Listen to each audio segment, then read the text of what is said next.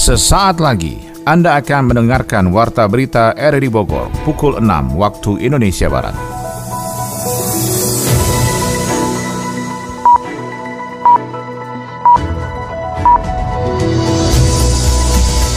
Selamat pagi dan salam jumpa. Kembali kami hadir dalam Warta Berita edisi hari ini, Kamis 16 November 2023. Siaran kami bisa Anda dengarkan melalui audio streaming RRI Digital pada perangkat Android Anda dan bisa Anda dengarkan juga di audio on demand di Spotify, Anchor, Portal, dan Google Podcast. Berita utama pagi ini adalah Presiden Joko Widodo tiba di San Francisco, Amerika Serikat untuk menghadiri konferensi tingkat tinggi APEC.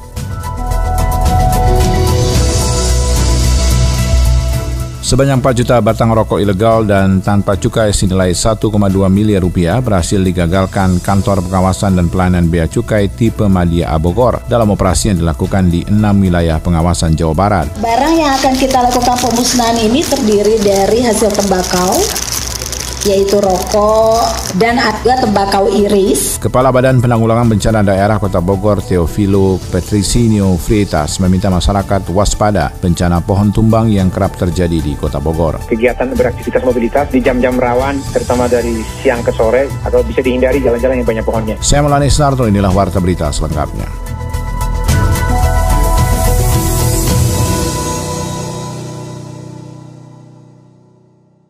Presiden Joko Widodo tiba di San Francisco, Amerika Serikat menghadiri konferensi tingkat tinggi KTT APEC. Selesai menempuh penerbangan 5 jam dari Washington DC, Jokowi tiba di Bandara Internasional San Francisco, Amerika Serikat pukul 9.35 waktu Indonesia Barat pada Rabu kemarin. Dikutip dari keterangan resmi Sekretariat Presiden, kedatangan Presiden Jokowi disambut oleh DCM KBRI Washington DC, Sade Bimantara, dan Atase Pertahanan KBRI Washington DC. Mars Mateni Cahya Elang Migdiawan di bawah tangga pesawat. Di San Francisco, Presiden Jokowi menghadiri konferensi tingkat tinggi KTT APEC serta menggelar sejumlah pertemuan bilateral dengan para pemimpin negara anggota APEC lainnya. Selain itu, Presiden juga diagendakan untuk memberikan kuliah umum di Stanford University. Sebelumnya, Presiden telah bertemu dengan Presiden Amerika Serikat Joe Biden di Gedung Putih. Ada sejumlah persoalan yang dibahas dalam pertemuan itu, mulai dari krisis iklim hingga perang Israel-Hamas di Gaza, Palestina. Jokowi berharap Amerika Serikat berperan dalam mewujudkan gencatan senjata di Gaza.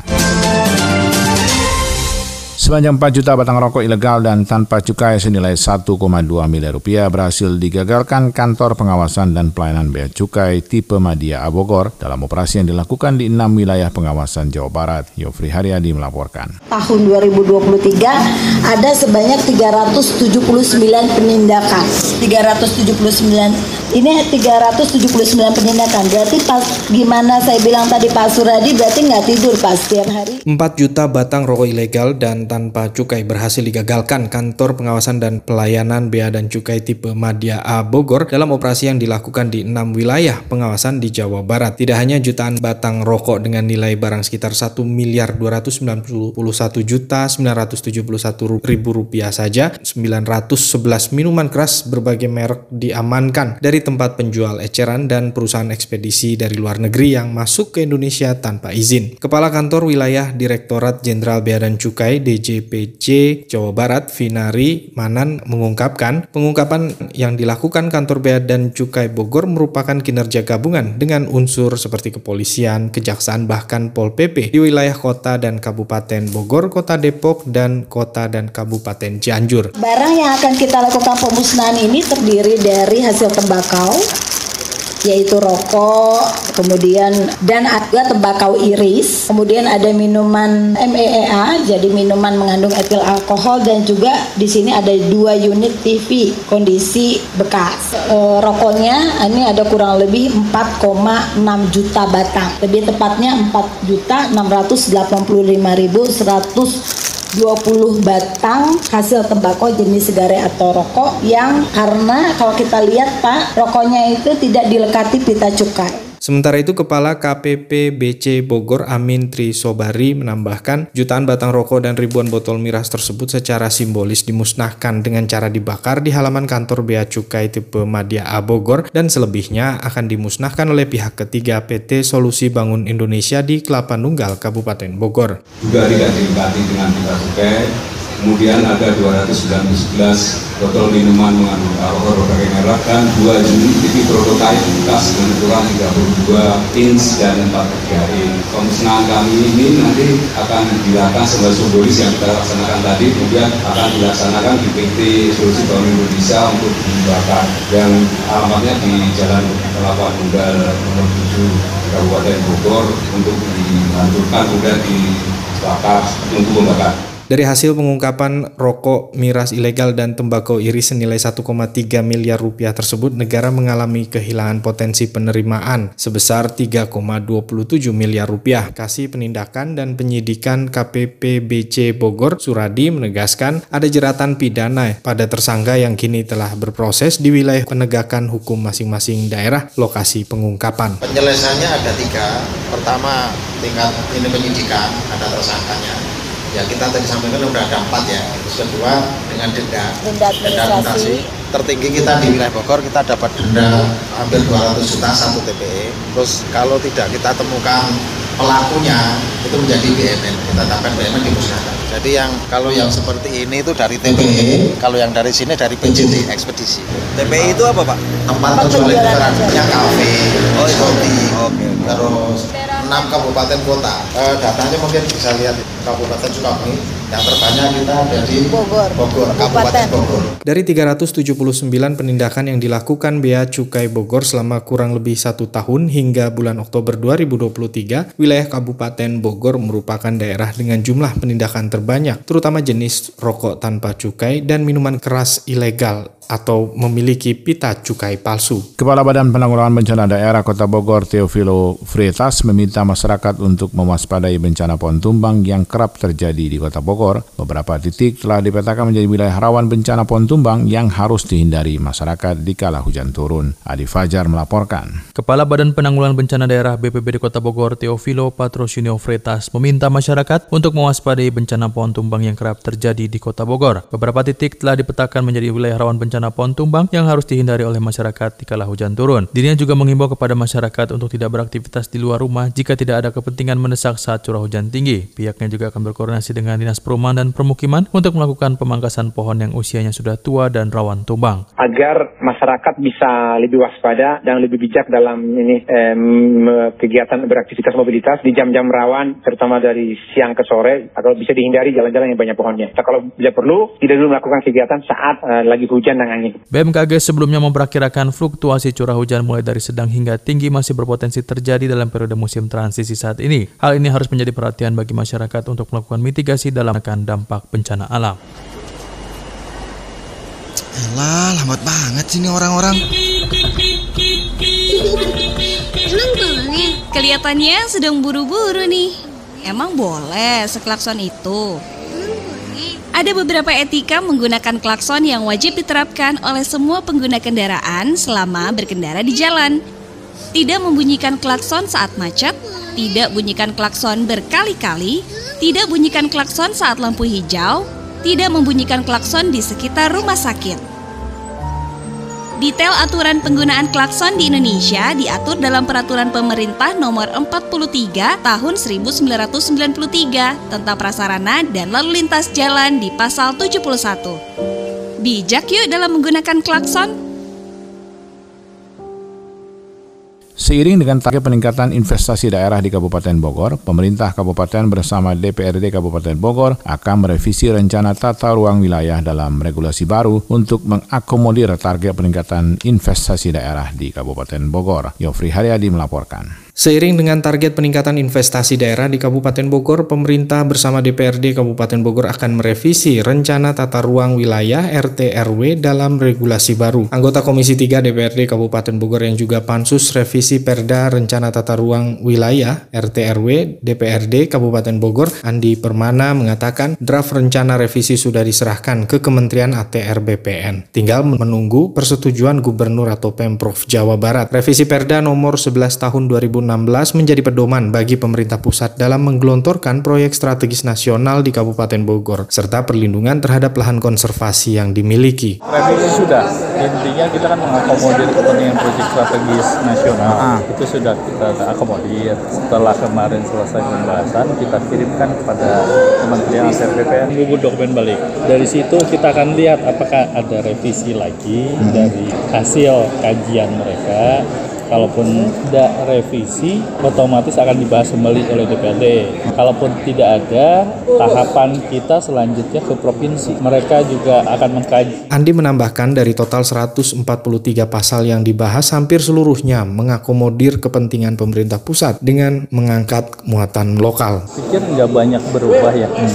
karena memang sudah dari pasal-pasal yang ada 143 pasal hmm. semua sudah mengakomodir intinya sih perda ini ada revisi dan memang juga sudah waktunya karena kepentingan pusat. Salah satu perubahan RT antara lain menyasar kawasan industri di Kecamatan Jasinga dan Kecamatan Tenjo dengan luas areal 1000 hektar, Kecamatan Rumpin dan Kecamatan Caringin Kabupaten Bogor yang bersinggungan dengan kawasan ekonomi khusus MNC Lido. Polresta Bogor Kota mengungkap pembunuhan antar kampung di kawasan Bogor Selatan, Kota Bogor. Aksi tawuran yang menyebabkan seorang korban tewas di kawasan Bogor Selatan, Kota Bogor berhasil ditangkap oleh tim Buser Polresta Bogor Kota. Sony Agung Saputra melaporkan. Aksi tawuran yang menyebabkan satu orang korban tewas di kawasan Bogor Selatan, Kota Bogor berhasil terungkap oleh tim Buser Polresta Bogor Kota. Kapolresta Bogor Kota Kombes Pol Bismo Teguh Prakoso mengungkapkan kejadian itu menimpa saat aksi tawuran di tempat yang sudah dijanjikan oleh para kelompok yang bertikai. Saat kejadian ternyata korban H terjatuh saat akan melarikan diri karena ternyata kalah jumlah dengan kelompok lawan. Namun ternyata korban menjadi bulan-bulanan pelaku berinisial MR dan RR hingga akhirnya meninggal dunia. Milik motor dan juga penyedia sajam yang diberikan kepada pelaku Jadi dua orang ini berboncengan, yang satu memberikan sajam kepada yang dibonceng, jadi dibonceng melakukan pembacokan ya terhadap korban.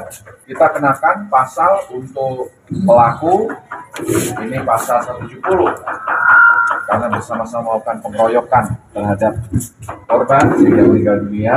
Dan kemudian pasal 351 ya tentang korban meninggal dan juga bagi yang megang saja atau yang menyediakan terapkan pasal yang berjalan nomor rasa bangga ya dan rasa kebanggaan ketika mereka dianggap hebat di lingkungannya. Ini ancaman hukuman 12 tahun penjara. Sedangkan Kasat Reskrim Polresta Bogor Kota Kompol Rizka Fadilah menjelaskan saat kejadian memang kedua kelompok yang menjadi gabungan sejumlah tempat melakukan aksi tawuran tersebut dengan menggunakan senjata celurit dan juga tongkat golf. Namun ternyata kedua pelaku yang membuat tewas korban saat itu juga sudah terjatuh dan meminta tolong untuk diselamatkan. Korban, kelompok korban dan kelompok pelaku ini ini adalah langkah awal atau penindakan berkaitan dengan adanya korban meninggal dunia. Tetapi dalam kegiatan ini kami masih melakukan pendalaman terkait mengenai masalah adanya kegiatan tawuran itu sendiri yang diawali dengan saling janjian. Jadi kita terus berkoordinasi apakah dengan kejadian tersebut muncul ada dugaan tidak pidana yang apa yang baru berkaitan dengan mereka ada kesepakatan untuk melakukan tawuran karena di dua belah pihak juga terdapat informasi ada jatuhnya korban meskipun yang dalam pihak korban ini kan satu meninggal dua dan dari pihak Papua. Pendataan kita terus lakukan dalam arti yang terafiliasi kepada pihak kelompok bermotor. Nah, dari kelompok itu kita lakukan pemanggilan-pemanggilan termasuk juga dalam rangkaian kasus ini seluruh pihak yang terlibat, ketua yang terlibat yang berjanjian ini pun kita lakukan pemeriksaan dan kita koordinasikan apakah di situ data kita kenakan dugaan tindak pidana. Hingga saat ini polisi masih melakukan pengembangan dari kasus tersebut dengan mencari barang bukti lainnya dan pelaku tawuran yang saat itu juga berada di lokasi kejadian. Kepada tersangka polisi menjerat dengan pasal berlapis 170, 351 dan 55 Kitab Undang-Undang Hukum Pidana KUHP dengan ancaman hukuman 5 hingga 12 tahun penjara.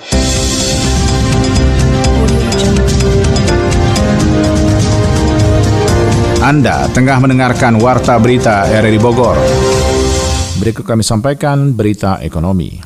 Presiden Jokowi menyatakan kontrak izin tambang Freeport di Indonesia akan diperpanjang selama 20 tahun. Kementerian Pertanian akan membuka impor jagung 500 ribu ton. Hal itu disampaikan Wakil Menteri Pertanian Harfik Hasnul Kolbi. Kita akan ikuti laporan Adi Fajar Nugraha. Presiden Joko Widodo menyatakan kontrak izin tambang Freeport di Indonesia akan diperpanjang selama 20 tahun. Saat ini proses pembahasan soal izin perpanjangan itu sedang dibahas oleh pemerintah Indonesia dengan Freeport. Terkait pembahasan perpanjangan izin tersebut, Presiden Jokowi sudah bertemu dengan Chairman Freeport McMoran, Richard Edgerson, di Washington DC, Amerika Serikat pada Senin 13 November 2023. Usai pertemuannya, Jokowi mengatakan selain perpanjangan izin tambang, pemerintah dengan Freeport juga sedang membahas rencana penambahan 10% saham Freeport ke Indonesia. Selain masalah penambahan saham dan perpanjangan izin tambang, Jokowi mengatakan dalam pertemuannya itu dirinya juga membahas program hilirisasi yang dilakukan oleh Freeport di Indonesia. Ia mengatakan Freeport sudah berkomitmen dalam mendukung pemerintah Indonesia melakukan hilirisasi. Komitmen mereka dijalankan dengan membangun smelter tidak hanya di Gersik, Jawa Timur, tetapi juga di Kabupaten Fakfak, Papua Barat. Sementara itu, Menteri BUMN Erick Thohir mengatakan dalam waktu dekat, pabrik smelter Freeport di Gersik akan beroperasi. Ia berharap Jokowi bisa hadir dalam peresmian operasi tersebut tersebut. Lebih lanjut, Erick mengungkap nilai investasi Amerika Serikat di Indonesia juga terus meningkat. Menurutnya, surplus perdagangan Indonesia dengan Amerika Serikat sudah hampir 16 miliar US dollar.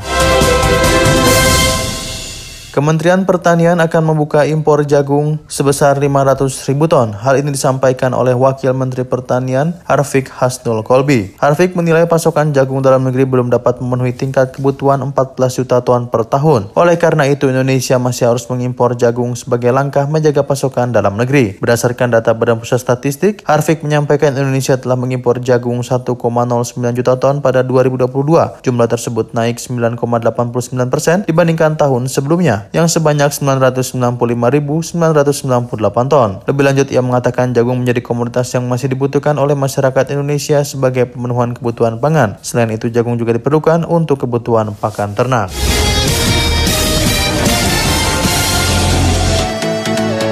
Info olahraga.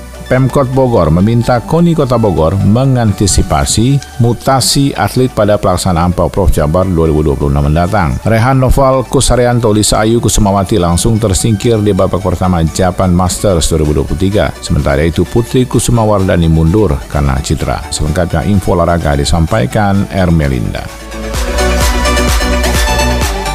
Mutasi atlet atau pembelian atlet dari daerah luar untuk memetik prestasi di kota hujan tidaklah membuat bangga Pemkot Bogor. Dispora Kota Bogor khususnya sangat menyayangkan bonus yang diberikan nantinya didapatkan atlet dari daerah luar Bogor bukan murni putra-putri daerah. Cabang olahraga sendiri sudah saatnya harus jeli dan tidak telat untuk meregenerasi atlet serta merekrut atlet potensial saat ini karena masih banyak waktu untuk menuju 2026. Kepala Dinas Pemuda dan Olahraga Kota Bogor Hari Karnadi meminta KONI untuk bisa mengantisipasi antisipasi mutasi atlet pada pelaksanaan Porprov Jabar 2026 mendatang. Hari Karnadi menjelaskan dibutuhkan komitmen yang kuat dari KODI kepada semua cabang olahraga untuk bisa mensejahterakan atlet serta pendidikan para atlet yang menjadi kunci keberhasilan KONI Kota Bogor menjaga pahlawan olahraganya. Memang kalau soal teknis kan adanya di KONI ya, menjaga atlet potensial untuk tetap mau membela Kota Bogor dan nggak direbut oleh daerah lain. Tapi dalam berbagai kesempatan kami baik di Spora, KONI, Bapops itu badan ini penyelenggara pembina olahraga pelajar selalu memberikan menyampaikan tentang kepeng capek untuk uh, visinya itu menujunya di 2026 gitu loh. Mereka dan mereka sudah punya data tuh punya peta kondisi atlet masih di masing-masing cabur.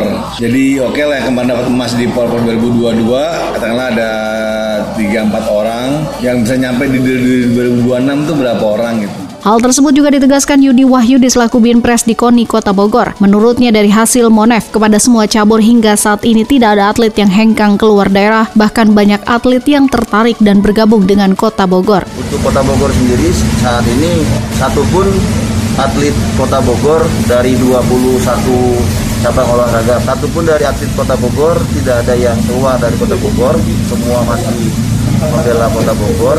Saat ini yang ada juga atlet-atlet dari luar Kota Bogor masih dalam satu uh, provinsi Jawa Barat. Itu yang masuk ke Kota Bogor, masuk ke Kota Bogor dengan kesadaran sendiri, dengan keinginan sendiri dan memang Kota Bogor tidak menjanjikan apa pun karena memang kita sudah punya program pembinaan terkait rasa aman kepada atlet dalam hal ini pemberian insentif dan lain sebagainya Terkait mutasi atlet ke Kota Bogor, Yudi mengaku pihaknya tak melakukan pemaksaan kepada mereka, apalagi sampai membeli dari daerah karena KONI Kota Bogor tak memiliki dana yang berlimpah.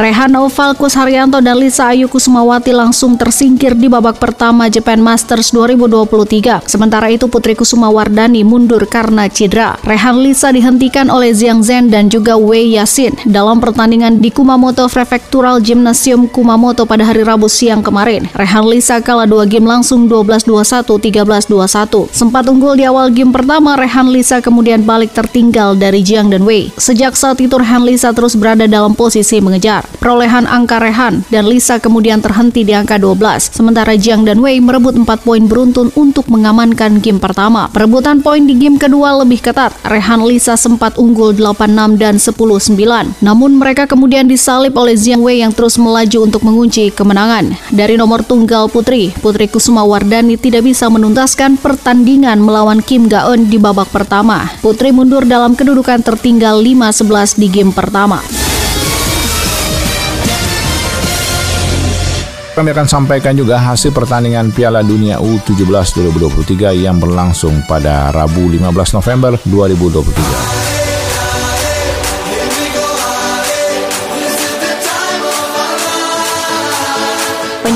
Nasional Amerika Serikat U17 Nimfasha Bershimas optimistis membawa timnya menjadi pemuncak klasmen grup E Piala Dunia U17.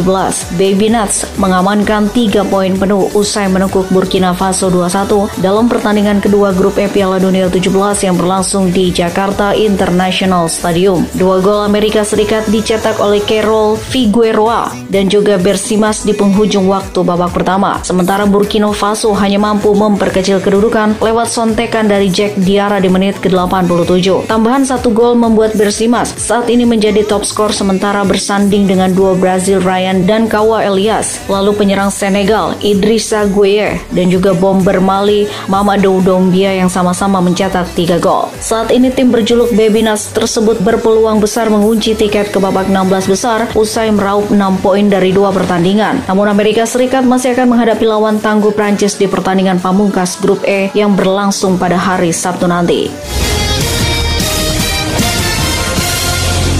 Laga lainnya, laga Prancis U17 versus Korea Selatan U17 di matchday kedua grup E digelar di Jakarta International Stadium pada hari Rabu malam waktu Indonesia Barat. Prancis memasuki klasmen grup E dengan 6 poin dari dua pertandingan. Mereka unggul selisih gol atas Amerika Serikat yang berada di posisi kedua. Prancis dan Amerika Serikat selanjutnya akan bertarung untuk memperebutkan posisi juara grup E Piala Dunia 17 2023. Laga Amerika Serikat versus Prancis akan digelar di Jakarta International Stadium pada hari Sabtu malam.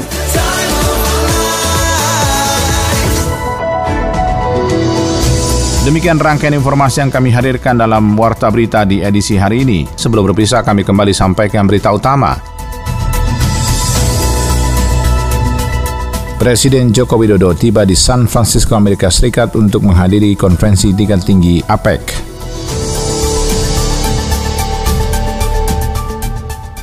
Sebanyak 4 juta batang rokok ilegal dan tanpa cukai senilai 1,2 miliar rupiah berhasil digagalkan kantor pengawasan dan pelayanan bea cukai tipe Madia Bogor dalam operasi yang dilakukan di enam wilayah pengawasan Jawa Barat.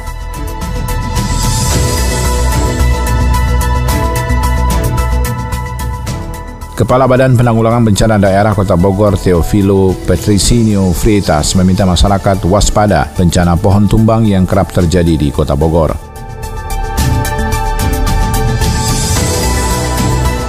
Mewakili kerabat kerja bertugas, saya Maulana Estarto mengucapkan terima kasih. Selamat pagi.